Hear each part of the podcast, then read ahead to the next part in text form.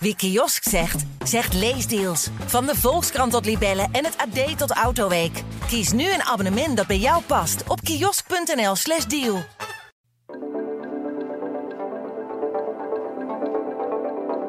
Vanaf de redactie in Middelburg is dit de PZC deze week. Mijn naam is Rolf Bosboom. In de Banketstraat in Koudekerken staan acht huizen al jarenlang te verpauperen. Kapotte ramen, verzakte schoorstenen, verwaarloosde tuinen en het wordt steeds dramatischer. De buurt ergert zich inmiddels groen en geel. En ook de wethouder is het beu en wil aan de situatie een einde maken. Maar ja, hoe dan? Want wie de eigenaren zijn van de panden, dat is één groot mysterie. Ik praat hierover met verslaggever Emiel Krolon. Uh, Emiel, het gaat over de Banketstraat hè, in Koudekerken. Ja. Ik kom niet elke dag in Koudekerken, maar als ik nu daar die straat in zou rijden en ik ga richting het huisblok, wat zie ik dan? Het ligt eraan waar, waar je vandaan komt, maar aan je rechterkant zie je op een gegeven moment een, twee blokken woningen waarvan de tuinen compleet verwilderd zijn. En aan de andere kant zie je gewoon de klassieke nette rijtjeswoning met tuinen goed verzorgd. Wat je ook ziet als je rustigheid is dat de huizen verwaarloosd zijn. Niet, niet er allemaal, want dat is het opvallend. Het gaat om twee blokken van vijf woningen. En in twee van de woningen wonen nog mensen. En die verzorgen hun, hun woningen. Ja. En daarnaast staan huizen met kozijnen die dan af dan bladeren. Lege vervuilde huizen. Tuinen die ideale plek zijn voor, voor vogels. Maar eh, ze, ze blokkeren alles. Ja. Dus meteen als je die straat binnenkomt, denk je, denk je eigenlijk van wat is hier aan de hand? Ja, ja opvallend is het. eh, een contrast tussen die serie eh, woningen en dan de andere. Ja. Koude kerkenaren zorgen over het algemeen eh, hartstikke goed voor hun woningen. Zijn, Ja, het is een keurig dorp. en zijn trots op hun bezit. En dan plotseling dit. En het is al jaren zo, al zo'n eh, 13 jaar. Ja. En van wie zijn die huizen dan? Ze waren van een familie uit Aken. Al die huizen? Ja, die, de eigenaren hadden meerdere huizen in Zeeland. Maar met deze huizen is iets heel bijzonders aan de, aan de hand. Het echtpaar is er gestorven. En ze hebben bij hun erfenis hebben ze iets gedaan waardoor de huizen niet overgedragen zijn. Of de erfgenamen hebben ze niet ontvangen of niet laten inschrijven. Dus ze zijn overleden, maar het is onduidelijk aan wie ze nu toebehoren. Ja, Maar goed, de huizen moeten van iemand zijn. Er moet iemand de eigenaar zijn. Ja, ja, de huizen zijn van eigenaar. En het hele opvallende ook is, is dat de huidige eigenaren betalen eh onroerend goedbelasting. Die betalen het waterschap. Dat, dat gebeurt allemaal hartstikke netjes. Daar, en daar klaagt toch niemand over. Alleen, ze verhuren ze niet. En ze verkommeren. Het is triest, triest voor woorden. Maar wie, wie zijn die huidige eigenaren dan? De gemeente weet dat officieel niet. Dat heeft met de gemeentewet te maken. De Belastingdienst van de gemeente mag gegevens over mensen die belasting betalen niet delen met een andere ambtenaren. Dus belastingambtenaren zitten in dezelfde kantine te eten. Maar ze mogen niet zeggen dat meneer Dieter 20.000 euro niet betaald heeft of zo. Maar deze mensen, deze, deze familie, ja, de eigenaar betalen gewoon, gewoon netjes. Ja. Maar geen onderhoud plegen ze. En ze verhuren ze niet. Nou, Even terug over die Duitse familie. Die, die zijn overleden. Het is onduidelijk eigenlijk hoe die erfenis dan is afgewikkeld. Maar er zijn er blijkbaar wel nieuwe eigenaren. Of Ja, ja. Die hebben het gewoon gekocht. Van, Dat is niet duidelijk. Waarschijnlijk zitten ze in de familie. Waarschijnlijk hebben de kinderen zijn de eigenaren. Ja. Want heel opvallend is, een zoon van het overleden echtpaar heeft een aantal jaren geleden naar de gemeente Veren gegaan en heeft gezegd: ik wil de woningen opknappen. Heeft een vergunning aangevraagd. En vervolgens bleef het stil, want eh, er is onderzoek naar gedaan, navraag gedaan. En de man vertelde dat, dat zijn gezondheidstoestand het niet toeliet dat hij eh, zich intensief mee zou bemoeien. En hij had het, zou het geld ook niet hebben. Nee. En dat laatste is heel vreemd, want je hebt huizen die echt samen miljoenen waard zijn. Ja. En dan kan je gewoon toch, dan verkoop je twee aan een bank of een ontwikkelaar en dan heb je voldoende geld om die huizen op te knappen. Maar op een of andere manier willen ze het niet. Nee, en ze laten gewoon die huizen leeg staan. Ze laten die huizen verkrotten. Ja. Maar hoe zit het dan met, met die twee huizen die dan wel bewoond zijn en die wel netjes hun tuin onderhouden? Zijn het dezelfde eigenaren of zijn het andere ja, mensen? dezelfde eigenaar, maar in de andere acht huizen zijn de huurders vertrokken. En er is nooit nieuwe huurders ge- gekomen, omdat de eigenaren niet actief op zoek zijn gegaan naar, eh, naar huurders. De huidige huurders betalen, heb ik begrepen, relatief weinig. Ja.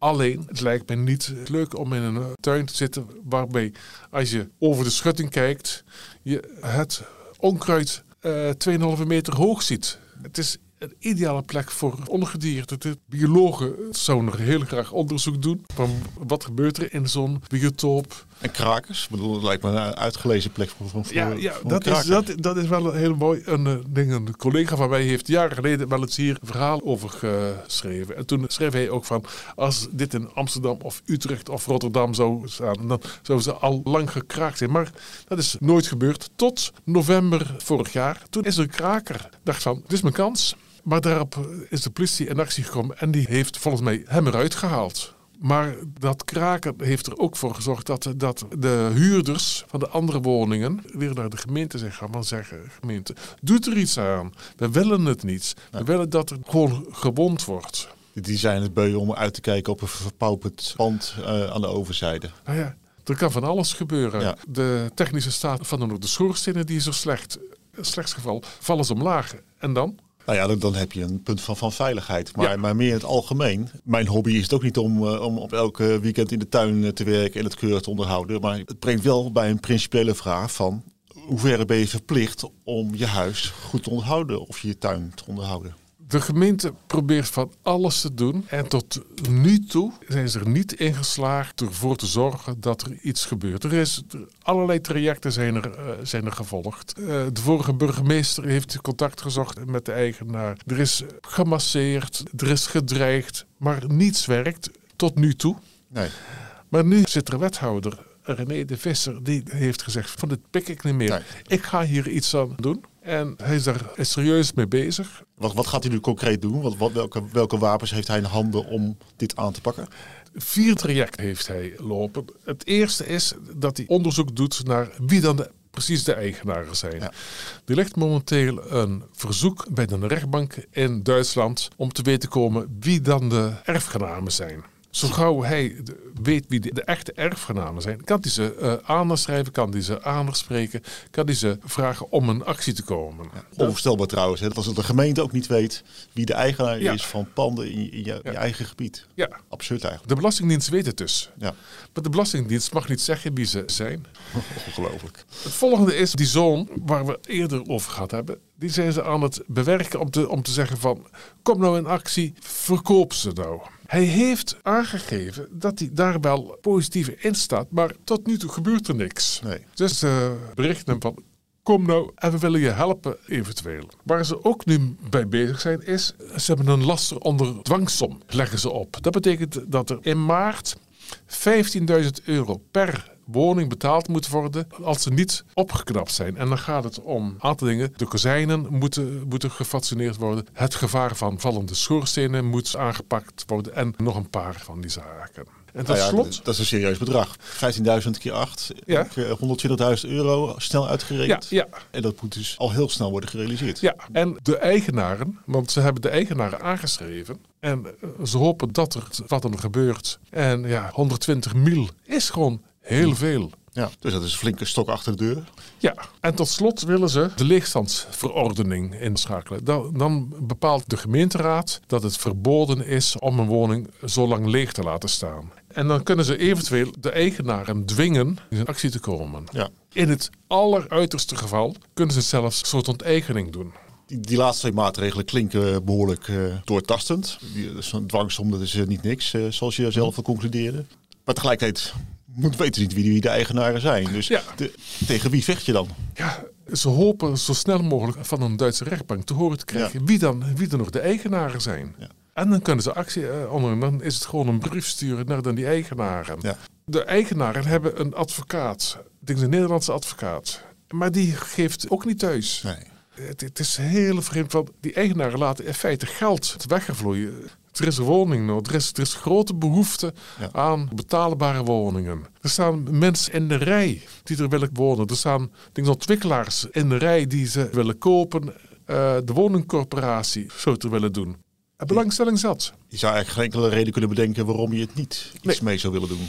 Ja. Dit is eigenlijk de slechtst denkbare optie op het moment dat je iets in bezit hebt en vervolgens het maar een beetje laat verloederen. Ja. Blijft een intrigerende, wonderlijke kwestie. Ja, ja, alleen maar ja, de, die twee huurders profiteren ervan. Hoewel dat ook voor zelf niet echt leuk is om naast die, uh, naast die zooi te wonen. De enige die er echt van profiteren zijn dan de nou ja, insecten en dan de diertjes die in de tuin zitten. Die hebben het Paradijsje.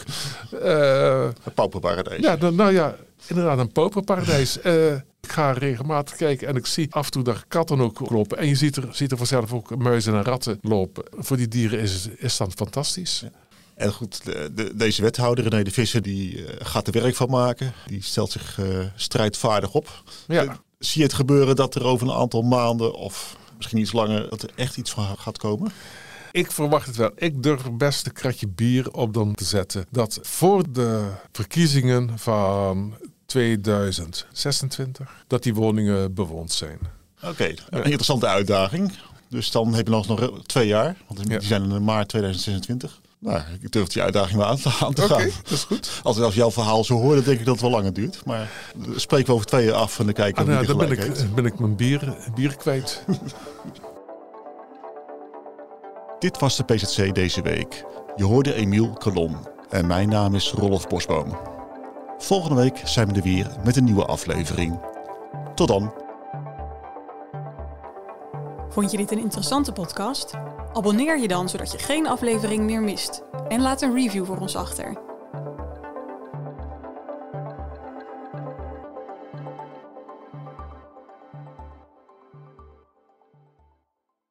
Gerda Wilhelmina Bom. 1 jaar. Jacobus Malheer van de Bos, 56 jaar. Wist je dat er na de watersnoodramp van 1953 nog altijd 105 vermisten zijn? Ja. Zeven maanden. Voor nabestaanden is het als een wond die nooit helemaal geneest. Hij vond dat wel erg. Hij was eh, twee zussen kwijt. Waar, waar zijn ze? Jan van den Hamer verloor twee tantes en hun lichamen werden nooit gevonden. Nooit niet over gesproken. Nooit. Dus als een groot onderzoek kans op antwoorden biedt, twijfelt Jan geen seconde. Mijn vader en moeder hebben er ook niks meer aan. Maar die zou het ook dolgraag geweten hebben. Hé, wie, wie of wat. Dat weet ik pertinent zeker. Hij staat DNA af. Maar lang niet alle mensen die nog familieleden missen, doen mee. Het is net een oude wond die je weer open maakt en waar je ja, waarschijnlijk eh, misschien last van kunt hebben. In De Vermiste van 53 vertellen we het verhaal van de intense zoektocht naar de antwoorden op de laatste vragen van de watersnoodramp. Blijven zoeken naar, naar je vader.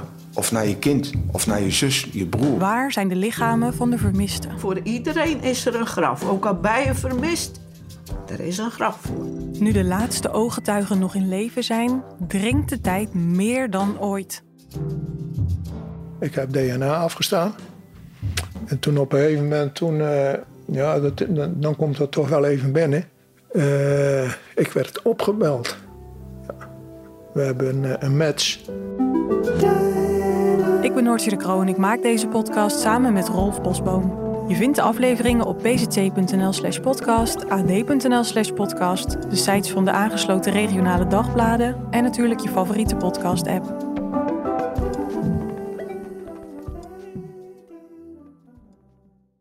Wie kiosk zegt, zegt leesdeals. Van de Volkskrant tot Libellen en het AD tot Autoweek. Kies nu een abonnement dat bij jou past op kiosk.nl/slash deal.